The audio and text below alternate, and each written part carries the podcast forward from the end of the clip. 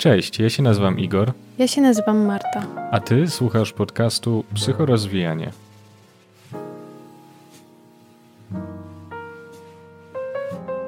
W dzisiejszych czasach bardzo ważna jest autentyczność, prawda? I autentyczność, czyli no w takim powiedzmy wolnym moim rozumieniu, wymyślając na poczekaniu, to jest takie po prostu bycie w zgodzie z samym sobą, tak? Robienie tego, co naprawdę chcę, tego, co jest dla mnie ważne. I życie po prostu w zgodzie z samym sobą, prawda? Natomiast właśnie rodzi się z tego pytanie, jak w takim razie wiedzieć, co jest tak naprawdę moje, co nie jest moje, kim ja jestem. I często to też jest taki problem, bo mówi się o tym właśnie, że stań się w końcu właśnie autentyczną wersją siebie, że media, że internet, że technologie, wiele czynników e, mówi się, że nas oddala właśnie od tej prawdziwej wersji siebie. I ta prawdziwa wersja siebie staje się takim obiektem pożądania, a jednocześnie też takim punktem końcowym, czymś do czego chcemy zmierzać i od czego dość dużo oczekujemy. Mhm. O tym też chciałbym, chcielibyśmy po prostu porozmawiać e, na przykładzie książki, albo można raczej powiedzieć wycinków z książki Hessego mm, Narcyz i Złotousty. Tak, i takim pytaniem, które jak gdyby towarzyszy mi, kiedy jakoś tak sobie o tym rozmawiamy, jest e, właśnie, Mhm. okej, e, jest em, właśnie pytanie, jakie drogi prowadzą do tego właśnie ja prawdziwego, Mhm. e, czym jest to e, ja prawdziwe, czym jest to odnalezienie siebie. No i właśnie jak, jak tam się znaleźć, nie? Tak, no to jest y, temat bardzo trudny, bo może przynajmniej się wydawać, że są bardzo różne drogi do osiągnięcia tego celu. Mhm. Natomiast właśnie inspirując się tą książką, no i też gdzieś czerpiąc z własnych doświadczeń, no to jednak można odnieść wrażenie, że ten schemat się powtarza i że nie jest być może aż tak wiele dróg Mhm. prawda, do, do tego celu. Można powiedzieć, że każdy idzie w innych butach, każdy idzie swoim krokiem, Mhm. ale że ścieżka mniej lub bardziej jest y, no, dość utarta mimo wszystko, prawda? Prowadzi przez jakieś podobne, można powiedzieć, przestrzenie. Prowadzi, prowadzi dokładnie, dokładnie tak jak mówisz. Ale to co, przechodząc może już do, e, do samej literatury, no to jest to książka mm, noblisty zresztą, ale która opowiada o życiu w klasztorze. I pomijając takie szczegóły, które, które nam się nie przydadzą, to skupia się właśnie na relacji narcyza i złotoustego. Narcyz jest bardzo utalentowanym y, bodajże nowicjuszem, jest dość nisko w tej hierarchii klasztornej, natomiast jest bardzo ambitny, niezwykle utalentowany, biegły w Grece, w łacinie we wszystkich innych rzeczach, które się robi w klasztorach. Tak, właśnie mm, wybrzmiewa, że on jest jak gdyby skrojony do takiego życia, nie? To jest dla niego Tak. jakiś rodzaj naturalności, ta przestrzeń. Absolutnie jest fantastycznym e, mnichem, tak? Tutaj spełnia wszystkie te wymogi bycia ascetą i myślicielem. I czerpie z tego, myślę, radość. Tak, bez wątpienia. Bez wątpienia czerpie z tego radość. Z kolei Złotousty jest chłopcem, można powiedzieć, że dziecinnym.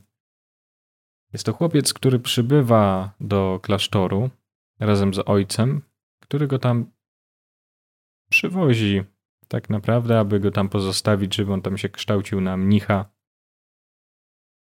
i wspinał dalej, wyżej w drabinie klasztornych stanowisk. Jednak, no jak pokazuje historia, to losy Złotoustego wcale nie są takie oczywiste i na pewno nie tak powiązane z klasztorem, jak losy właśnie Narcyza. Mhm. Ta jego rola tam jest nieco inna. Tak, i to też, co na mnie e, jak gdyby w ich relacji robi takie duże wrażenie, to to, że można powiedzieć, że oni są e, jak takie trochę yin i yang, nie? Są takimi e, skrajnościami, które potrafią znaleźć bardzo życzliwą i przyjazną relację. Mhm. Natomiast nie da się ukryć, że narcyz w tej relacji jest jak gdyby takim mentorem i przewodnikiem, prawda? Ale też. E, nawet. E... Nie do końca się z tym e, zgadzasz?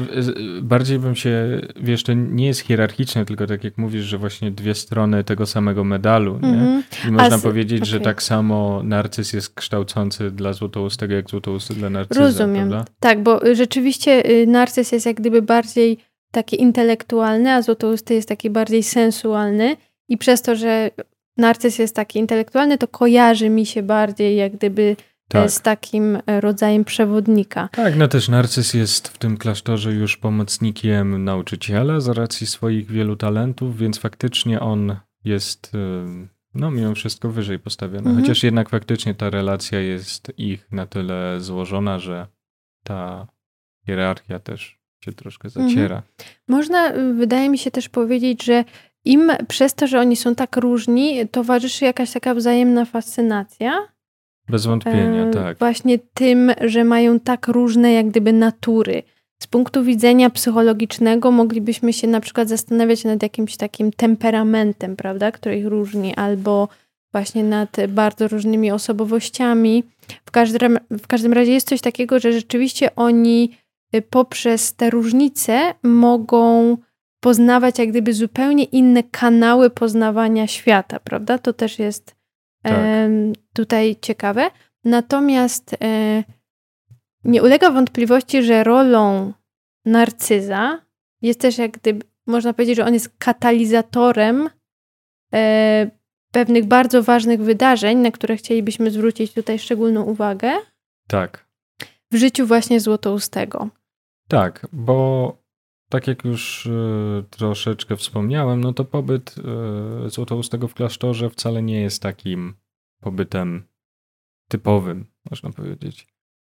Niestety, ale Złotousty z czasem się rozchorowuje i ma takie poczucie być może odosobnienia.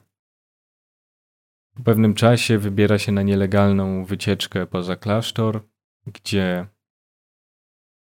przydarza mu się bardzo taki jeszcze dziecinny pocałunek z jedną z dziewczynek z, ze wsi, która obok klasztoru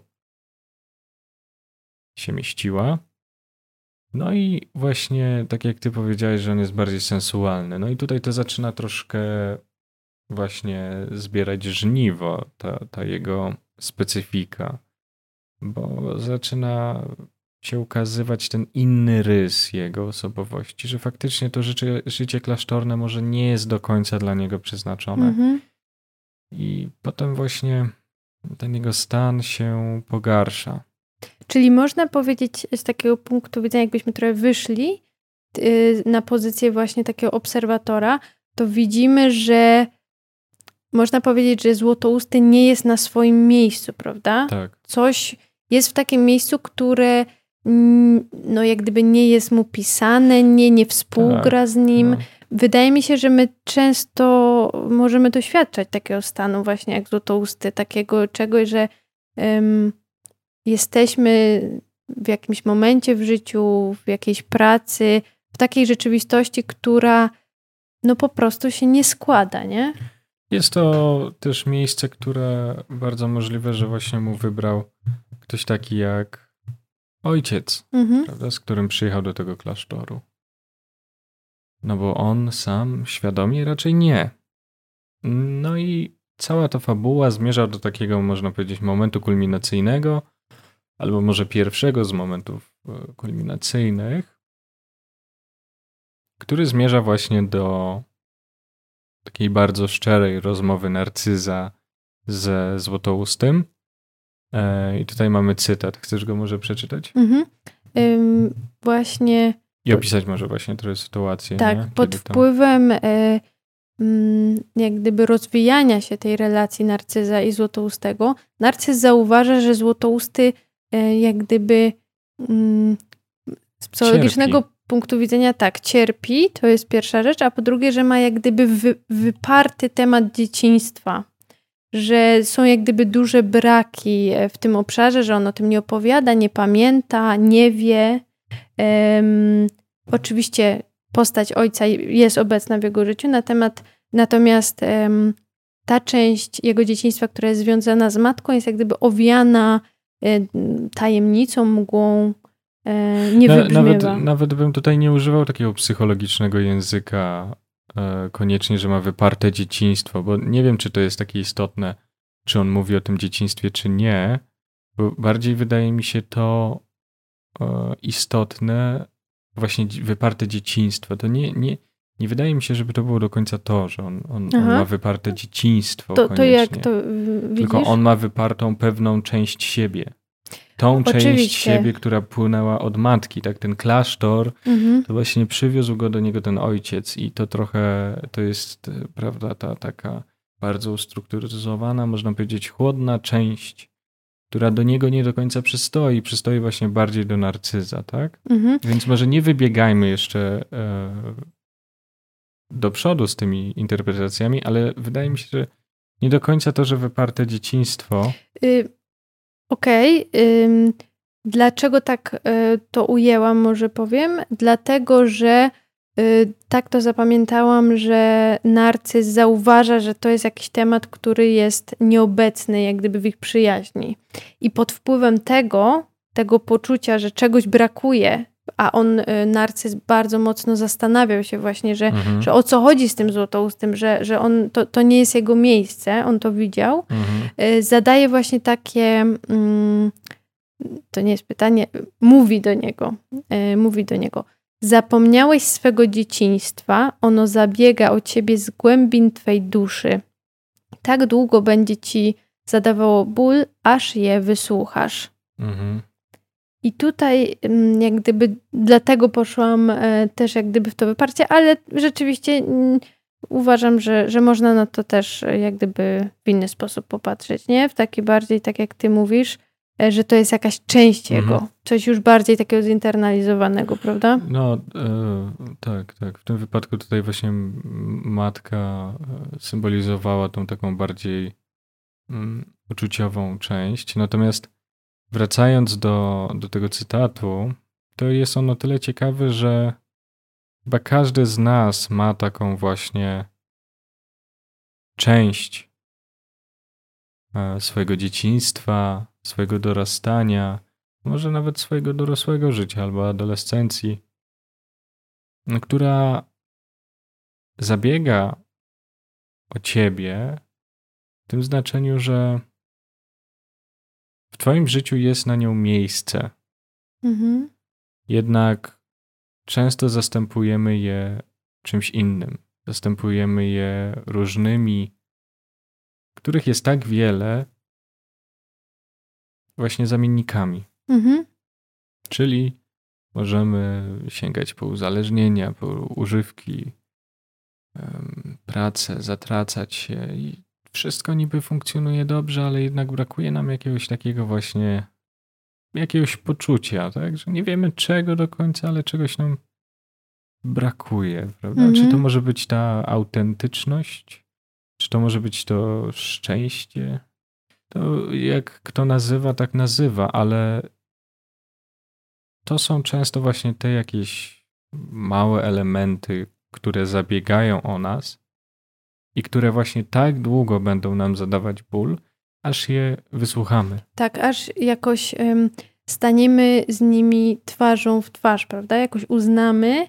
E, no i można powiedzieć, że w ten sposób um, możemy trochę rozpocząć tą drogę właśnie do, e, do siebie, prawda? Do tego, jak to tak nazywamy. Tak. To, co jeszcze e, tutaj wydaje mi się ciekawe, to to, że właśnie Yy, tak, mamy, towarzyszy nam jak gdyby taka wybiórcza amnezja pewnych takich też trudnych yy, yy, doświadczeń z dzieciństwa. A co ciekawe,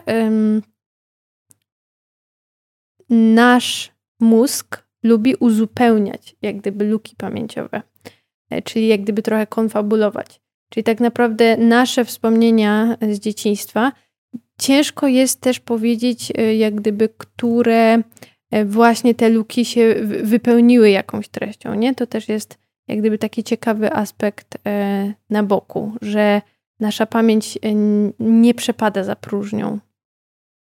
Um, tak, no bez wątpienia trzeba się z tym zgodzić, ale z drugiej strony też nie można popadać w, taki, w taką skrajność, tak? Mhm. Jakby to nie.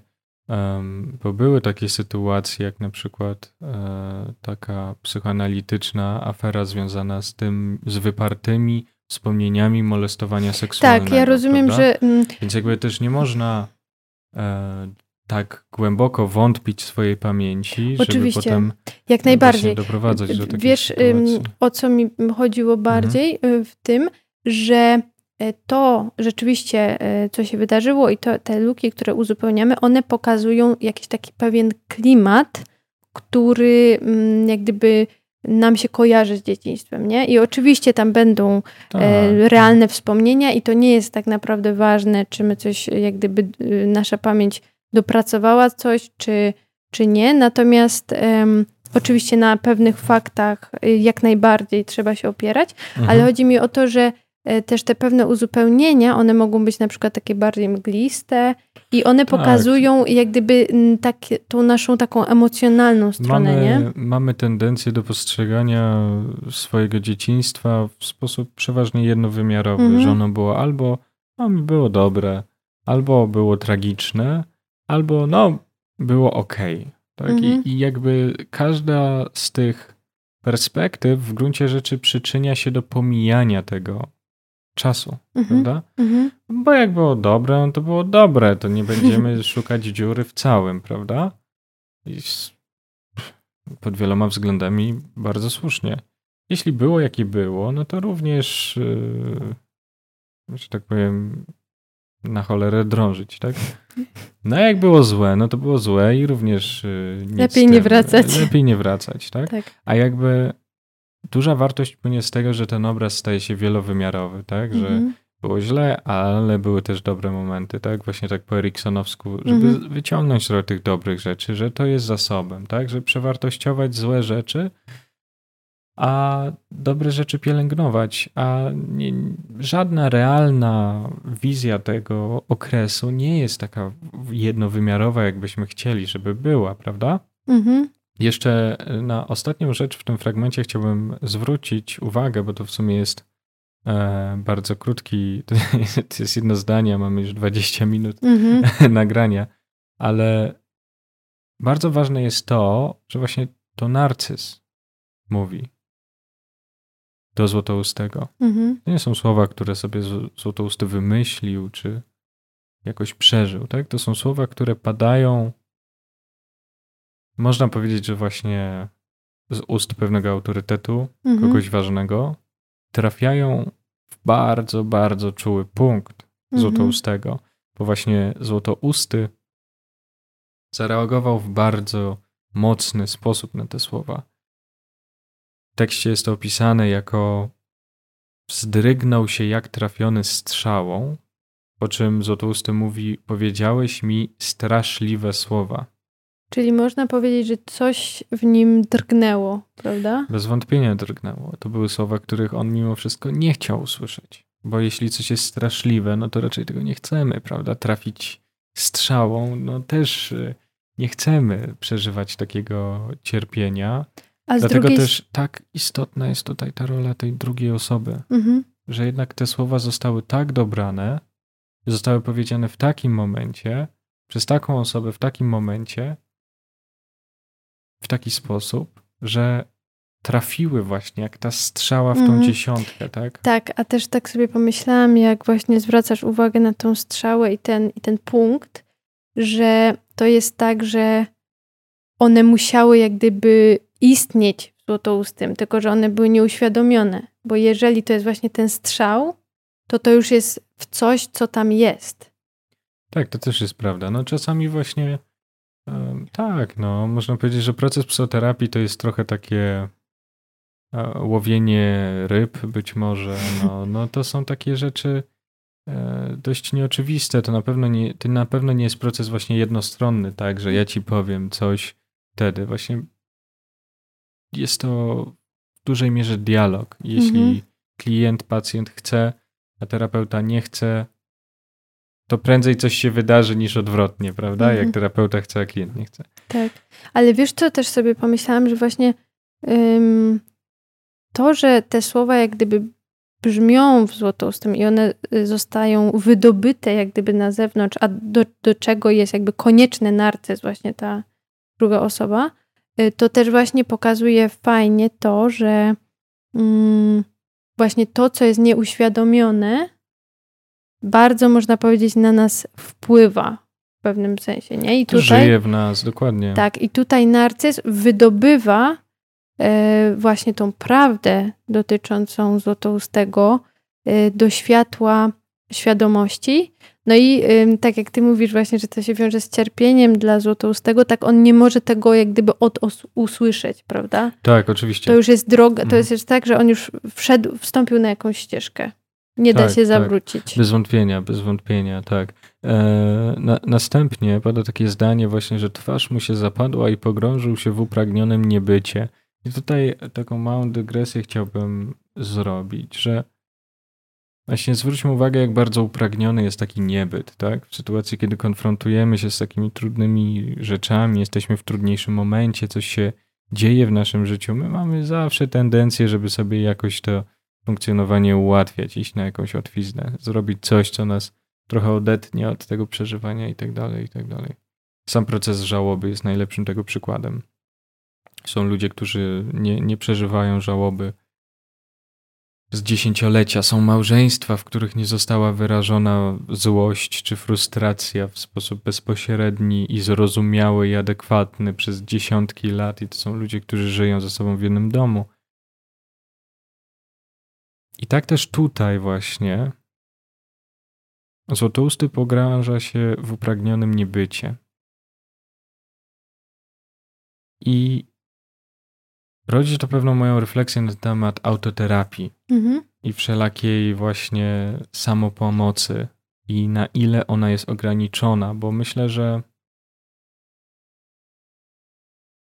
że znacząca większość z nas natknie się na takie treści w samym sobie, z którymi najchętniej by nie chciała się spotkać. Jeśli nie ma za sobą żadnego procesu psychoterapii wcześniejszego, a może nawet jeśli ma, no to jest bardzo spora szansa, że się z tymi treściami nie skonfrontuje, bo to będą treści, które właśnie, jak ego potrafi, zostaną wyparte albo zostaną cokolwiek przetworzone. Wydarzy się coś po prostu za pomocą mechanizmów obronnych, co nie pozwoli nam się skonfrontować z tymi treściami. I to też jest bardzo duże ryzyko, prawda? Bo my właśnie możemy czytać tysiące książek o samorozwoju, my możemy oglądać tonę filmów i, i, i wykładów, webinarów i tak dalej, ale jeśli my z tą treścią nie pobędziemy, tak? Jeśli na przykład po tym podcaście i nie mam na myśli tutaj transformującej wartości e, naszych słów, tylko bardziej e, Hessego, no to właśnie jeśli ktoś sobie słuchacz nie usiądzie, nie, nie zreflektuje faktycznie nad tymi słowami w ciszy, w samotności, bez naszego głosu, bez żadnego innego głosu, ani żadnego innego obrazu. To jest niewielka szansa, że te słowa albo jakiekolwiek inne słowa cokolwiek wzbudzą. Tak, bo ty mówisz o y, takim przeżyciu pewnych słów, prawda? Doświadczeniu. Mówię przeżyciu i też o przeżyciu, gdzie właśnie um, ten warunek takiej głębokiej, że tak powiem, samotności, przeżycia tego w samotności to jest pewne minimum, tak? Ale nawet w większości przypadków nawet to nie wystarcza, bo trzeba często właśnie tej drugiej osoby, która tak ubierze w to słowa mhm. w takim momencie, że to dopiero wtedy będzie w stanie właśnie do nas trafić. Chociaż mm, rozumiem, o czym mówisz, a jednocześnie ym, też w taki trochę y, jeszcze jeden, jak gdyby sposób rozumiem ten niebyt, w kontekście też autoterapii. Mhm. Czyli, bo, bo ten niebyt z jednej strony to może być odcięcie, prawda? Właśnie, a z drugiej strony, y, tak sobie myślę trochę to, co ty powiedziałeś, że to mm, czasami jak jest właśnie coś do nas dociera, y, stajemy właśnie y, w jakiejś prawdzie ze sobą, to najchętniej byśmy właśnie zakończyli to.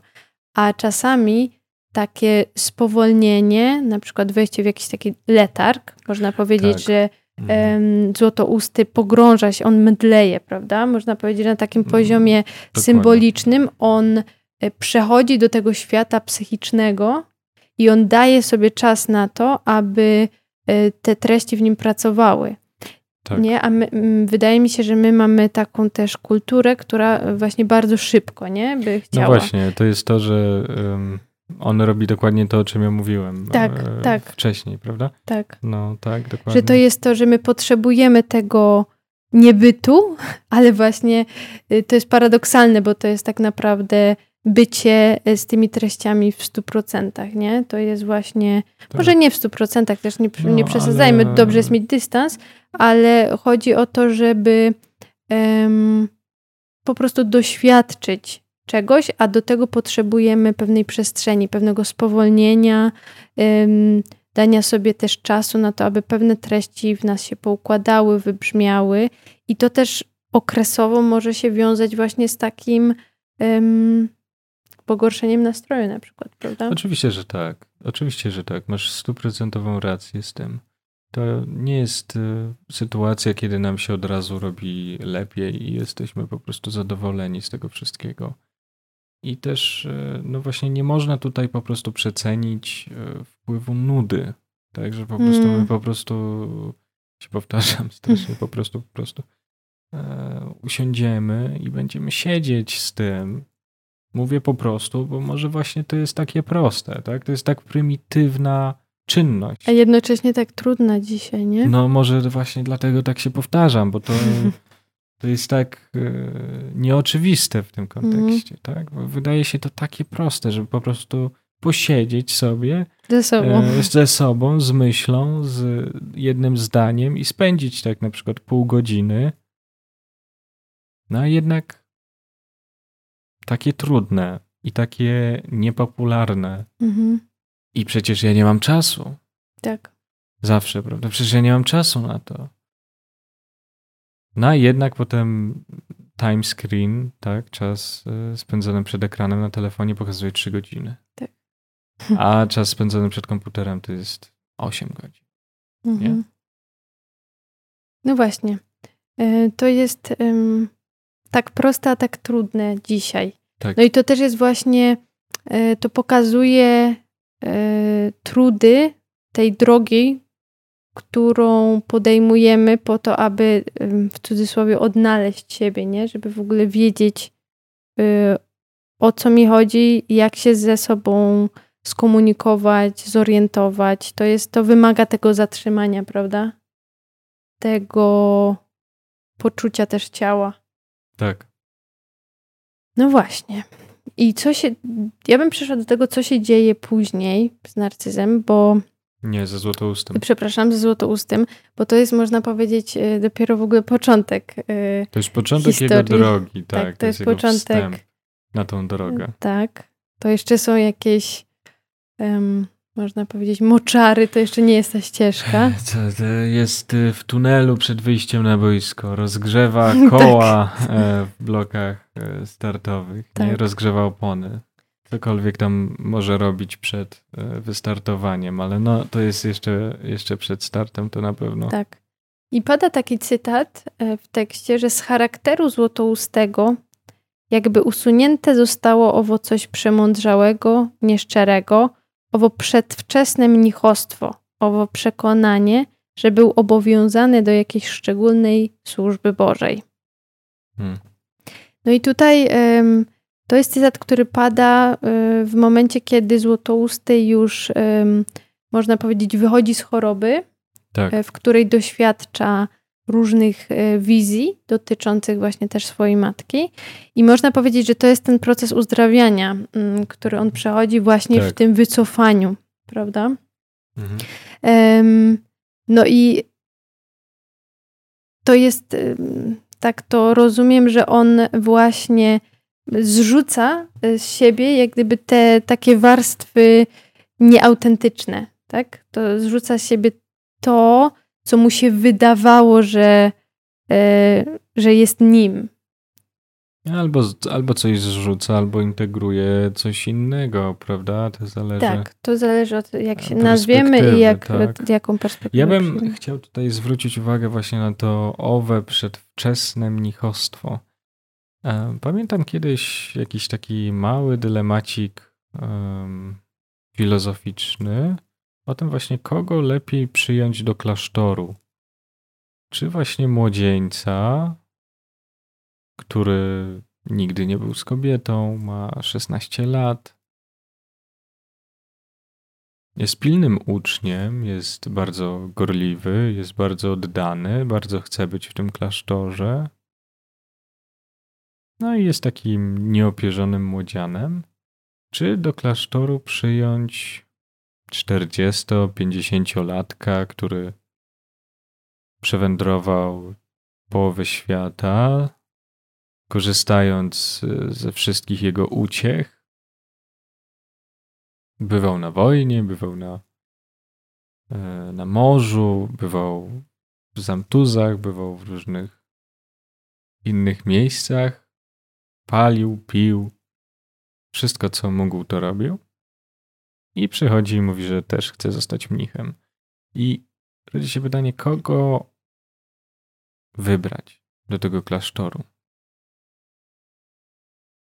I zachęcam też na, do odpowiedzi i uzasadniania swojego własnego wyboru, kto powinien trafić do tego klasztoru. No ale wracając już do Złotoustego, no to właśnie Złotousty po tym jak utracił to przedwczesne mnichostwo, kto wie, może za 20 lat tak jego ścieżki powiodą, że on wróci do tego klasztoru, tak? ale wróci na właśnie tych swoich własnych zasadach. W połączeniu też ze swoją naturą, prawda? Wróci dokładnie, wróci wróci tam, gdzie ma być i tam, gdzie ma się czuć dobrze i tam, gdzie wie, że będzie się czuł dobrze. I to jest, wydaje mi się, no, esencja tego, co ten nasz odcinek stara się przekazać też, mhm. nie? Że takie przedwczesne zamykanie się, czy też uparte podążanie utartą ścieżką, tak? Czyli mój syn ma być lekarzem, mój syn ma być e, jakim jeszcze prawnikiem, kimkolwiek, prawda? No to, no to ten syn, czy, czy ta córka, no to właśnie trafi tak jak ten złotousty do klasztoru. No i co? No i potem ma problem, bo się czuje nieauto, nie, właśnie, właśnie mam ten nieautentyczny, konflikt. nieprawdziwy. Tak. Różne rzeczy się wtedy dzieją. Mamy konflikt tego właśnie naszego y, poczucia siebie i miejsca, w którym jesteśmy, prawda? Ale też pokazuje to właśnie, jak kluczowe, mimo tego, że to jest tylko wstęp właśnie na tą drogę, tak kluczowe to jest. Że jednak faktycznie ludzie ludzi głęboko porusza ten temat autentyczności obecnie. Mhm. Jak być autentycznym, tak, że media społecznościowe kłamią, że my nie jesteśmy tacy jak w mediach i tak dalej. Dlaczego media społecznościowe mają być bardziej prawdziwe niż rozmowa, nie wiem, przy herbacie z kimś? Mhm. Prawda? Ja mogę tak samo skutecznie udawać przy herbacie, jak w mediach społecznościowych. Tak. Wiesz, kto wie, jaki ja prawdziwie jestem? Tak? Czy ty wiesz? No właśnie, czy ja wiem? Mm. Więc ta autentyczność można powiedzieć, że jest takim czymś o tyle e, sztucznym, co może subiektywnym, prawda? Że jeśli my się czujemy subiektywnie, e, czujemy się subiektywnie, jeśli my się czujemy autentycznymi, to to jest dobry start. Natomiast dopiero kiedy my będziemy to weryfikować i się konfrontować z tym, że ja uważam, że taki jestem autentyczny i sprawdzę, czy w danej roli, czy w danym otoczeniu będę się faktycznie realizować, to dopiero w konfrontacji z tą rzeczywistością możemy to jakoś zweryfikować, prawda? W konfrontacji z rzeczywistością i w kontakcie ze sobą, bym mhm, jakoś to mhm. tak dodała. Mm, to, co też wydaje mi się ważne w kontekście właśnie tej drogi do samego siebie, y, to właśnie mm, pada tam taki cytat, y, że Złotousty wchodzi na taką drogę do życia, że tam narrator mówi, że można powiedzieć, że on odnalazł tak. siebie. I mhm. teraz to odnalezienie siebie wydaje mi się też takie, taką trochę pułapką. Bo tak jak chyba wspomniałeś na początku, to jest coś, czego bardzo jak gdyby chcemy, nie? Chcemy do tego dojść, chcemy jak gdyby tak. się tam znaleźć i jak gdyby koniec, nie? Pytanie, co dalej. E, a tak jak sobie o tym rozmawialiśmy, jak, jak zastanawialiśmy się, o co chodzi z tym właśnie odnalezieniem siebie, e, to można by bardziej powiedzieć, że to jest odnajdywanie siebie nieustanne, prawda? My też nie jesteśmy, um, można powiedzieć, e, tacy sami w czasie. My się zmieniamy, Oczywiście, my musimy tak. E, się samoaktualizować. Znaczy nie musimy, ale, ale ta droga, e, właśnie droga, e, którą podążamy już później, kiedy wchodzimy na to boisko, kiedy odnajdujemy tą ścieżkę, to właśnie to nie jest, to nie jest taki jak gdyby to nie jest miejsce, nie. do którego dążymy, tylko to jest właśnie wejście na pewną ścieżkę. Tak, to nie jest też nawet y, taki proces linearny, tak, że mhm. jesteśmy w punkcie A i potem jak odnajdziemy siebie, to jesteśmy 3 centymetry y, na lewo na osi mhm. i potem idziemy w tym samym kierunku. E, ludzie są tworem tak skomplikowanym, że tutaj ciężko mówić o jakiejkolwiek sensownej takiej przewidywalności. Tak? My możemy sobie czytać różne, nie wiem, statystyki, natomiast statystyki nam nie zaprojektują życia, nie przekażą nam przyszłości, nie przepowiedzą nam jej. Stąd też to, jak my poprowadzimy nasze życie, z jednej strony w dużej mierze zależy od nas. Mimo wszystko. Jednak faktycznie to, o czym ty mówisz, że właśnie to odkrywanie siebie to jest pewien proces, ale to też nie powiedziałbym, że jest koniecznie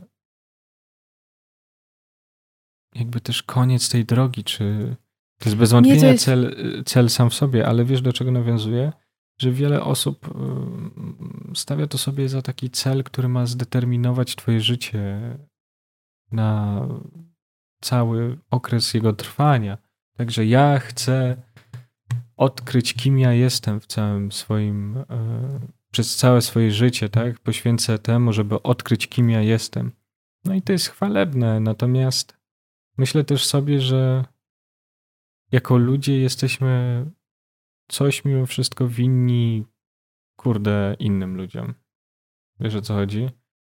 Że to jest chwalebne, ale jednak trochę egoistyczne i wydaje mi się, że takie właśnie psychologiczne skupianie się na odnajdywaniu siebie, no jest fajne, jest bardzo pożyteczne, ale też myślę, że można odnaleźć siebie wśród grupy ludzi, nie? Czy w społeczeństwie.